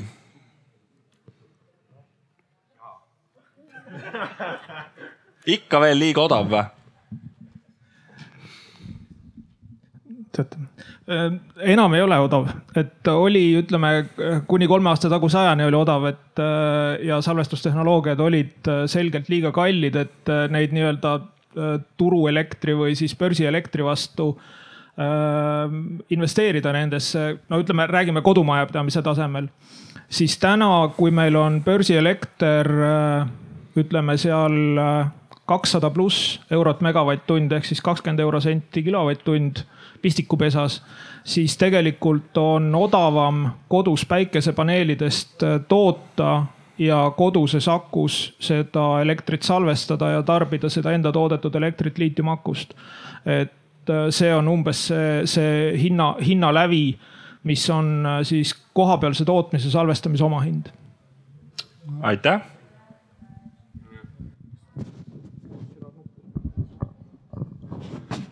ma arvan, et enne salvestamist äh, selles mõttes äh, nõus äh, ju selle jutuga, et tehnoloogiad akutehnoloogiad lähevad odavamaks, aga ma arvan just, miks ma siia tõttasin, ma tegin just arvutust just sellel teemal, et milline oli juulikuu elektrihinnad. ja, ja kui me oleksime kõigest vähendanud, kui oleks tarbijatel vaid küsitud seda, et kuulge, et kas te oleksite nõus kolm protsenti oma tarbimist vähendama teatud nagu seal oli isegi nagu tundide küsimus oli see. kui te oleksite olnud kolm protsenti nõus tarbimist vähendama, siis see oleks toonud hinnad alla neli korda. ja see on, äh, see on nagu selles mõttes, vaata inimesed arvavadki, et kui kolm protsenti säästu tähendab arvel kolm protsenti äh, et nii-öelda teistpidi siis äh, säästu, et see ei ole päris nii, et see mõju on palju suurem ja, ja see juulikuu näide on täpselt nagu, nagu õige kuu näide, et tegelikult on, on näha, et salvestamist on ka vaja, aga tegelikult me pole ühte asja üldse nagu läbi kaalunud. ongi see tarbimisjuhtimine ja see tarbimisjuhtimine on Euroopa Liidu poolt nagu ette pandud ammu juba regulatsioonides ja meie oleme sellises riigis, kus kohas tarbimisgraafik on selline sirge joon, et äh, vaata, öeldakse ka, et, tarbijad ju on nõus seda kinni maksma, aga noh, ma ei ole kodus kogu aeg ja ma ei lülita seal seda lülitit seina peal. et ma tegelikult tahaks, et võrk äh, omalt poolt või siis nii-öelda süsteemi omanik, kes plan, planeerib järgmist päeva, tegelikult küsiks tarbijate käest, et kuulge, et äh, kas teeks nii, et kui te nagu teete õhtusööki, et siis kella kuuest seitsmeni te ei tarbi ja seitsmest kaheksani tarbite ja meil oleks olnud süsteemis palju odavam elektri hind. Ja, ja see, see, miks see niimoodi on, see on põhjus, ei ole pigem see, et tuul ja päike on tulnud, vaid on pigem on, on teine asi, et äh, meil on neid vanu elektrijaamu jäänud aina, aina vähemaks süsteemis. ja nad pigem üritavad teha sellel turul hoopis midagi muud, ehk siis oma nii-öelda viimase siis tuksete käigus suuta toota võimalikult kallist elektrit mis on nagu kapitalistlikus maailmavaates okei okay,, aga tegelikult meie tarbijatena peaksime võtma ette selle, et, et tegelikult ka, et siin on palju Eestis räägitud, ma ei tea, kas Sander siin on, kes kuuleb, aga Gridio ja on olemas erinevaid nii-öelda siis tarbimisjuhtimistarkvarasi, aga puudu on meil täna tegelikult selle turu regulatsioon ja selle Eleringi tellimu, tellimus sellele.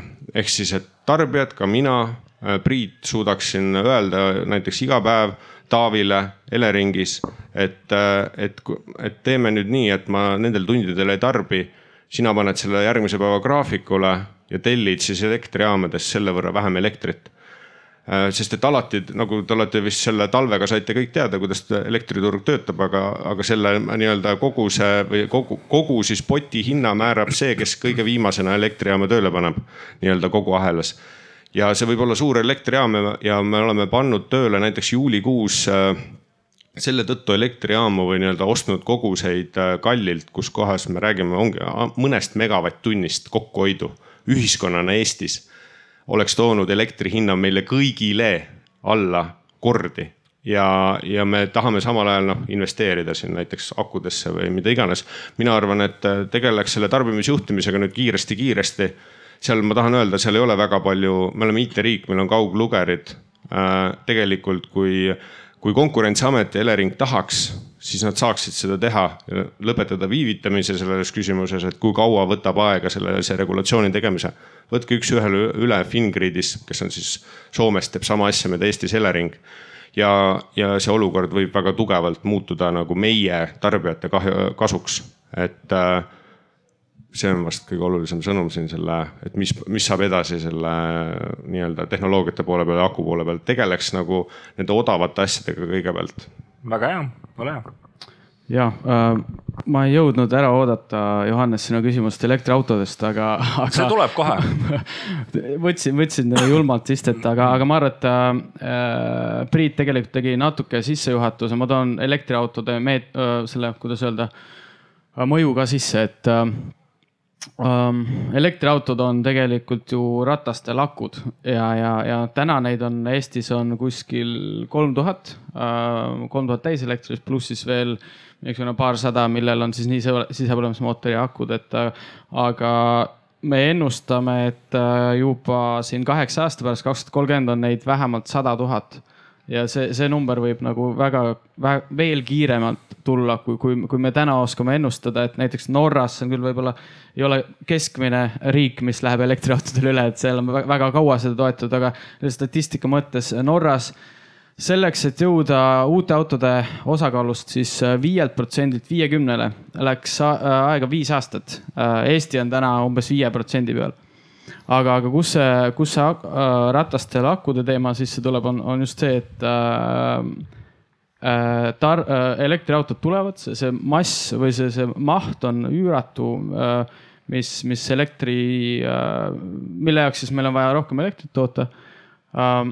kui me teeme seda selliselt, et me paneme näiteks kortermajade juurde paneme nii-öelda rumalad laadijad, mis ei suhtle teineteisega ega millel ei ole ka wifi võimekust siis, äh, siis meil äh, jaotusvõrgud on päris, päris suure äh, probleemi ees. me tegime näppudel arvutused, et see, see vahe targa autode laadimise ja, ja, ja ka nii-öelda rumala autode laadimise vahel võib olla kümme korda, ehk siis noh, sul peab olema võrk siis kümme korda tugevam või siis panna hinda, on ju, on see, et sul elektri hind võib olla, kui kõik jõuavad õhtul koju kella viie-kuue ajal, panevad elektriauto laadima mingisugust nutikust seal ei ole äh, elektronid hakkavad kohe akudesse voolama, noh siis see elektri hind äh, teeb nagu veelgi, veelgi suurema hüppe. ma arvan, et see on nagu väga suur asi, mida, mida silmas pidada nii Elektrilevil kui, või Enefit Connectil kui ka siis kohalikel omavalitsustel, kes, kes ei tohiks lasta nagu nii-öelda rumalaid laadijaid äh, väga palju installeerida, sest muidu kümne aasta pärast me oleme nagu väga äh, väga suure probleemi ees. kas ma saan õigesti aru, et sa ennetasid seda küsimust, et kas elektritranspordile jätkub elektrivõrgus ruumi või? oli see see küsimus, millele sa vastasid praegu? see, natukene jah. kas keegi Rasmus... teine tahab veel sellele küsimusele vastata? sest iseenesest see on huvitav teema, kui ma mõtlen noh, seal nende väljakutsete peale, mis meie elektrivõrkudel praegu on ja siis ma kujutan ette neid elektriautosid, millel on siis need nii-öelda rumalad laadijad küljes. siis mulle tundub, et saab ilutulestikku näha Põhja-Tallinna asumis, kuidas ükshaaval need majade küljest pistikud äh, sädelema hakkavad? ja see on hea küsimus. me oleme ise ka natuke nagu vaadanud seda, et mis see tulevik tuua võiks, et, et mõelda ette ja mina seda kindlasti nii pessimistlikult ei vaataks ähm, täna, kui me vaatame, ütleme sihukest äh, Lasnamäe kortermaja, siis see on keeruline. et, et kui kõik Lasnamäe kortermaja elanikud ostma elektriauto, siis, siis on tõesti nagu väga palju puudu.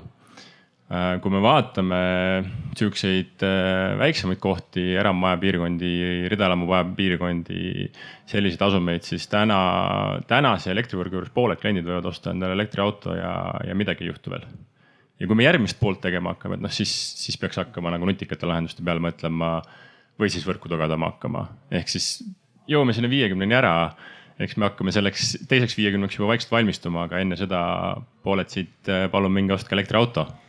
sellepärast, et tegelikult äh, vastupidi, see on, see on väga kasulik, mida rohkem neid tuleb, seda parem ta meil on äh, selles mõistes, et, et Eesti on niisugune põnev koht, kus tegelikult tarbimist on väga vähe ja, ja see mõjutab hästi palju seda, et kuidas meil siin äh, ka hinna poole pealt läheb.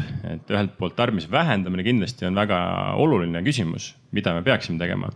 teiselt poolt iga täiendav kilovatt-tund, mis meil äh, võrgust läbi käib, lõppkokkuvõttes muudab seda ühikut efektiivsemaks ja elektriautod selles mõttes äh, sobivad väga hästi taastuvenergiaga, et näiteks võtame olukorra, kui meil on Eestis on, ma ei tea, kaks-kolm tuuleparki on on, on äh, laivis toodavad elektrit, äh, on, ma ei tea, mingisugune sügistorm on ju, kus on elektrikud on nagu kõvasti rohkem, kui, kui me suudame ära tarbida, siis noh, üks, üks viis äh, ongi elektriautod, kuidas, kuidas me saame kohe tegelikult siis jah, tuulikust seda kasulikult ära, ära, ära kasutada. aga veel, veel üks kommentaar, et see, kas võrgud on valmis või mitte, see ei ole minu spetsialiteet muidugi, aga me peame arvestama seda, et see on noh, see võtab päris kaua aega, et elektriautod jõuaks nagu nii-öelda massidesse, et see ei toimu nagu üleöö, et, et ma usun jah, et Elektrilevi hoiab sellel arengul kindlasti silma peal, ega elektriautod ei ole ainukesed, et ju soojuspumbad on teine suur grupp, mis ilmselt jaotusvõrke hakkab mõjutama päris palju, et Mihkel. üks lühike repliik ähm,. reageerisin äh, sinu öeldule ja ma üldse ei vastu, vastusta seda, et äh, elektriautod äh, tõesti jõuavad massidesse ja, ja neil on ähm, suur roll äh, paindlikkuse pakkumisele äh, võrgus aga ma arvan, et äh, kui kõik äh, Lasnamäe kortermaja elanikud ostavad endale elektriauto, siis ma arvan, et asi ei ole mitte, probleem ei ole mitte ainult elektrivõrgus, vaid probleem on äh, laiem. ehk siis äh, kas Lasnamäel kõikjal on vaja autot omada või äh, saame kuidagi muu, muud moodi selle no, auto on lasnamäelase jaoks üsna oluline, ma olen aru saanud. loodetavasti siiski see mõnikord võib, võiks ka muutuda, aga lühike repliik. ja kui ma seda kommenteerida võin võin, et ma hästi nõus, siit käis enne läbi see, et, et äh, tarbimine Eestis on sihuke sirge joon ja, ja küsimus sellest, et, äh, et kas see võiks muutuda, kelle vastutus see võib-olla on, et, et ma arvan, et see ei ole võib-olla võrguettevõtja vastutus esmajärjekorras, et see muutuma peab, eks see ole meie igaühe vastutus. eile oli siinsamas, kui ma ei eksi, rohepöörde nimeline see ala ja, ja tegelikult, kui me mõtleme selle tuleviku peale, üks asi on see, et kuidas me toodame seda energiat, mida me tarbida tahame. kas ta tuleb päikesest, kas ta tuleb tuulest, kas ta tuleb millegist muust. teine asi, mille peale me mõtlema peame, on ikkagi see, et kui palju me päeva lõpuks energiat tarbime. ehk siis, kas see maailmapilt, kus meil igalühel on elektriauto, on üldse see maailmapilt, mis tulevikus aitab ja saab selle nii-öelda lahenduseks olema. ja tegelikult tulebki mõelda selle peale, et, et kuidas muud moodi hakkama saada ja, ja kui me täna vaatame seda, et meie tootmine peaks vastama sellele tarbimisele, eks mina endas midagi ei muuda paneme need tuuled ja päikesed ja, ja hüdropumpjaamad kõik selle järgi tööle. võib-olla peaks seda pilti ka muutma minema, et äkki see tarbimine peab natuke rohkem hakkama ikkagi vaatama, mis tootmine teha suudab ja kuidas seda maailma natuke nagu efektiivsemalt ära kasutada suurepärane, hea publik, te olete olnud erakordselt kannatlikud ja, ja juba lasknud mul lobiseda siin laval viis minutit kauem, kui ma lubasin, viisteist minutit tänase arutelu äh, lõpuotsast pidi olema teie küsimuste päralt, ma kaotasin vahepeal ajataju, aga nüüd on see võimalus teil esitada neid küsimusi, mis teile päriselt korda lähevad. palun, härra, teil on küsimus. olge hea ja küsige. hallo, nii siin oli juttu sellest keskkonnamõjude hindamisest eh, et neid tegijaid on jube vähe. ma ei tea, kas see on siis korralik äriprojekt või aga mina oma mõistusega saan aru, et ega Eestimaal ikka üks osa sellest peaks olema kaunis üldine ja teine osa on siis spetsiifiline. et äh, kas siin selle töökorralduses ei ole midagi viltu, aitäh mulle tundus see ka nagu äh, asi, mida soovitada oma noortele sugulastele õppima minna, kui meil tõesti neid äh, kotka vaatlejaid ja teisi mõjuhindajaid vähevõitu on, aga siin on ka kohe tuleb vastus, kas on siis kehvasti korraldatud või on hea, hea ärivõimalus? vastan, olles suhtlenud ühe, ühe kotka eksperdiga mitte väga kaua aega tagasi, siis, siis, siis ma ütlesin ka, et nad ei tule kedagi peale, et rahvast ei ole ta ütles, et jah, arusaadav, et, et kotkaste uurimine on äärmiselt pikaajaline protsess, doktorantuur kestab neli aastat, selle peale ei suuda keegi isegi mitte mingisugust eh, korralikku järeldust teha, et lihtsalt eh, noored. selle ajaga veel esimese kotkaga võib-olla ei kohtugi. ei, just täpselt ei kohtu esimese kotkaga või kui kohtud, siis, siis ta saab ennem surma, kui sellest on mingit järeldust võimalik teha, et et seega see on, see on, see on traagiline, aga see on kurb selles mõttes, et tõesti meil ei ole, ei ole Eestis endal ka alternatiivset arvamust näiteks mingistes küsimustes.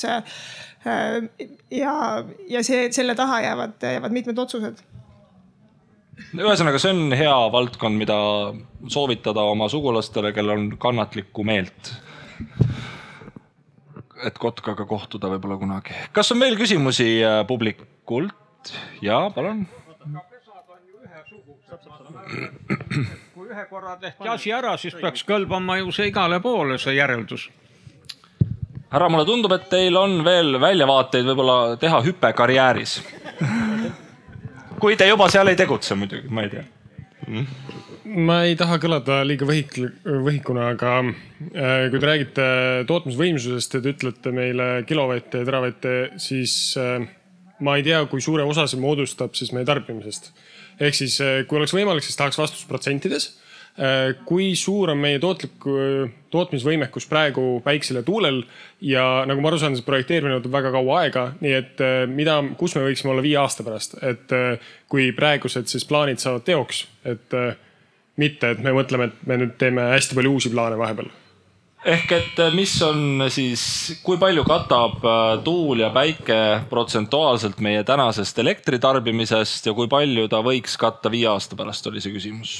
palun ma võin võtta päikese kommenteerida, et äh, kui meil on Eestis täna paigaldatud kuskil viissada megavatti päikesevõimsust, siis see annab Eesti sisetarbimisest umbes kolm kuni neli protsenti Äh, samas äh, viissada megavatti võib olla, ütleme sellise suvise päikeselise äh, nädalavahetuse pühapäevase päeva Äh, hetketarbimisvõimsus ehk et äh, päikeseelektrijaamad hetkeliselt võivad anda kogu Eesti tarbimise, aga aastasest bilansist äh, annavad täna, täna paigaldatud päiksejaamad kuskil kolm-neli protsenti. minu prognoos on, et kahe tuhande kolmekümnendaks aastaks me jõuame kuskil kümne protsendini päikse osakaalus aastases bilansis ja kahe tuhande viiekümnendaks kuskil kahekümne viie, kolmekümne protsendini. ja Timo, tuulega, kuidas on lood?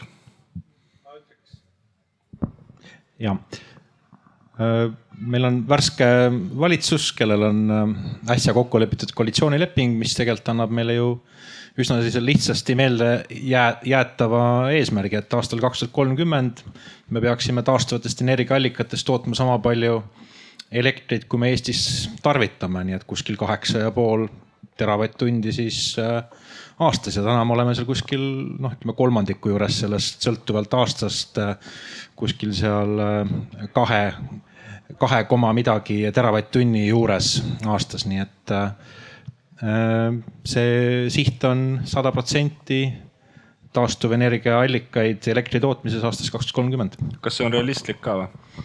ja ma pean seda väga realistlikuks üks, üks repliik, et see kaheksa pool teravatt-tundi, see ei arvesta nüüd vist äh, transpordi elektrifitseerimist, et äh, transpordi elektrifitseerimisega tuleb äh, oluliselt tarbimist juurde. mis sa arvad, kui palju juurde tuleb?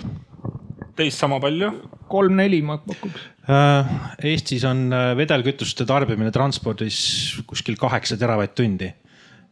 jätame meelde, et seda tehakse väga madala efektiivsusega sisepõlemismootorites, mille kasutegur on kuskil kakskümmend protsenti kas sa tead, kui palju on elektrimootori kasutegur?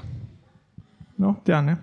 jah, mis tähendab, et kuskil üks koma kaheksa teravatt-tundi mm. on, on see täiendav elektri tarbimine, juhul kui me kõik oma sõidukid viime üle, üleöö elektri tarbimisele. ei säästa, ei sõida targemini. nii et noh, tegelikult me kipume kogu aeg üle hindama seda transpordi äh, elektrifitseerimisega kaasnevat elektritarbimist, et see ei ole nii suur. et ehk seega siis kuskil kümme, kümme teravatt, kümme, üksteist. kokku kümme kuskil jah. rõõmustav. Äh, kas on veel küsimusi publikult? palun. aitäh, ähm, tulles siia mõtlesin, et äh, rahvas on kõik siin tulnud oma elektriautodega ja laadijad täis parkinud ja kuidas ma siis õhtul koju saan, aga toh ime, vaba oli laadija äh, võttes kahest teemast kinni, ennem oli, keegi ütles, et juhitav tarbimine. et see peaks olema ju see, selle jaoks, et meie kõigi jaoks elektri hind läks odavamaks, see peaks olema ju see asi, mis me tahame. ja, ja mina nüüd elektriauto omanikuna, mul, mul on asi, mul on vahend, millega ma saan lasta võrguoperaatoril seda tarbimist juhtida, nii nagu ta saab tellida elektri tootmist. samamoodi ta saaks ju tellida tarbimist. Lähen mina vaatan Eesti Energia lehekülje peale või kes iganes veebilehelt seda pakkus sihuke teenus on olemas, siis maksab minule raha. oot-oot-oot, vabandust.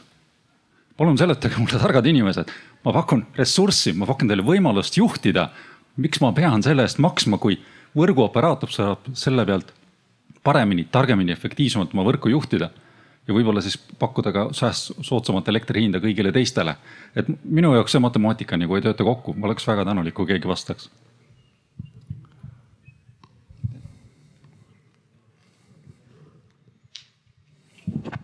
ja äh, Eleportis äh, me oleme ka hinnanud seda, et kui, kui mõistlik on elektriautode akud üheks suureks akuks nii-öelda koondada on ju ja siis võrguettevõtetele seda ressurssi, ressurssi müüa, et seal on jõhker Äh, töö tuleb enne ära teha, et, et äh, mingisugune platvorm tekiks, kus, äh, mis aitaks neid akusid koondada, et, et iga ettevõte tahaks investeeringute pealt midagi tagasi ka teenida, et ma arvan, et see, et, et, et ettevõtted võtavad mingisuguse vahendustasu, ma arvan, et see on päeva lõpuks on see tarbijale okei okay,, senikaua kuni tarbija ise teenib sellest ka midagi ma arvan ka, et see ei ole okei okay,, kui keegi sult selle eest raha küsib, et sa peaksid tegelikult, äh, tegelikult saama raha. ja, ja miks peab sinust saama, on see, ma arvan, et kõigi jaoks oleks see motivatsioon, et äh, et kui me siis tarbimist juhime, et siis kui me muidu pea, täna maksame nagu tuhat eurot megavatt-tunni pealt kõik koos ühiselt seda elektri hinda, siis sellele nii-öelda mõnele äh, ütleme tarbijale või näiteks kahekümnele kodutarbijale kahekümne tuhandele kodutarbijale näiteks äh, seda preemiat maksta, siis me võiksime väga vabalt, kuna neid on nii vähe, tarb-, see kaks on kakskümmend megavatti, öelda, et me maksame iga selle megavatt-tunni pealt, mis on kokku hoitud, maksame näiteks tuhat eurot neile hoopis. Ja kuna see ühik on grupi mõttes on, on väiksem summalises mõttes, siis, siis pigem mina nagu, mina arvan, et jah, et see on väga halb pakett, et äh, nagu igas sektoris on ka energeetikas väga halbu pakette, mida sulle müüakse et see on äh, iga, igas segmendis, mis on nii suur, on ka, on ka väga halbu tooteid. Ja neid müüakse inimestele. Ja võib-olla veel jah selgitan, et senikaua kuni tarbija äh, päeva lõpuks teenib, on ju, ma arvan, et see on okei okay,, kui seal mingi vahendustasu on, on ka platvormi omanikul äh, võetav, et see, see ei tähenda seda, et jah, tarbija äh, otseselt peab äh, maksma ja siis sellest midagi, midagi vastu ei saa. iseasi on jah see, et äh, kuidas hinnata seda, kui sa pakud oma akuressurssi ja see degradeerib siis iga aku täis tühjaks laadimine äh, võtab seda, vähendab aku mahutavust, on ju, et see on, see on nagu see küsimus, mis tuleb, äh, millega te tegeletakse, aga mis on nagu põnev jah, et kui palju selline akuga, ressursiga mängimine, et kui palju ta nagu aku elu, eluiga lühendab aitäh, ma arvan, et meil on aega umbes üheks publiku küsimuseks veel, ma tõusen püsti, et näha neid inimesi, keda ma võib-olla enne ei näinud, kui te tõstate käe püsti. kas sealt tagantpoolt ülevalt on tõesti küsimus või?